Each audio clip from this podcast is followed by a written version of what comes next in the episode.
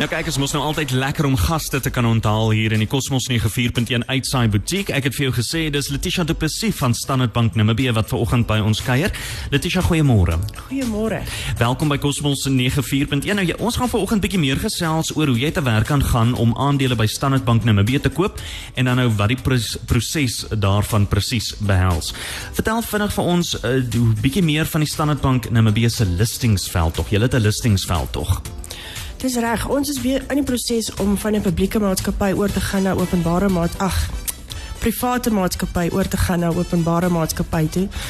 So wat die proses behels is jy het 'n prospektus wat oopmaak. Hy het oopgemaak op die 7de Oktober. Hy maak toe op die 1 November en van daar en en dan kan mense aansoek doen vir aandele in Standard Bank. So jy jy doen basies aansoek om 'n aandeelhouer te word. En dan ehm um, nadat die prospektus toegemaak het op die 1 November, dan gaan is die official listing datum is dan die 15de November 9:00 die oggend. En van daar af aan kan ehm um, mense dan begin trade in, met hulle aandele. Yes. Dis interessant. Nou sê net gou vinnig presies hoe kan 'n luisteraar nou te werk gaan om aandele te kan koop of dan nou te kan bekom en net weer daai datums tot wanneer toe hulle die geleentheid het om gebruik te maak daarvan. So ons het probeer om dit so maklik as moontlik vir die vir die eh, aan vir die publiek te maak. Ons het twee maniere waarop jy aansoek kan doen. Die een is jy kan op die webwerf ingaan en 'n aansoek uh, online voltooi. Dan moet jy hom net uitprint. Jy moet 'n betaling doen natuurlik en jy vat dit na die naaste tak toe saam met 'n paar dokumente, maar daai dokumente word gelys op die webwerf. Dit sal wees soos 'n gesertifiseerde ehm um, identifikasiedokument, ehm um, proof of residence en ja, so al die dokumente is gelys daar. Dan vat jy dit in na die tak toe. Dis die een manier. Die ander manier is om tak toe te gaan en hulle te vra om jou te help. Ons het 'n dedicated persoon net vir die listing proses. So ehm um, die publiek kan met een van daai mense gaan gesels by enige tak reg oor die land.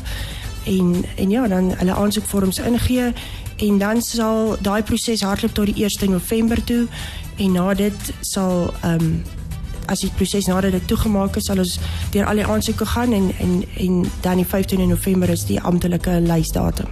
Sjoe, sterkte vir julle wat hier raai die raai uh, listings moet gaan soos jy sê. Hoe kan luisteraars die waarde van hulle aandele monitor en hoe gereeld betaal beleggers dividende uit?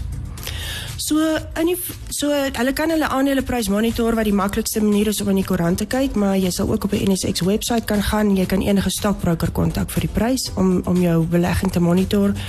Die dividende word gewoonlik twee keer 'n jaar uitbetaal, uh April en November.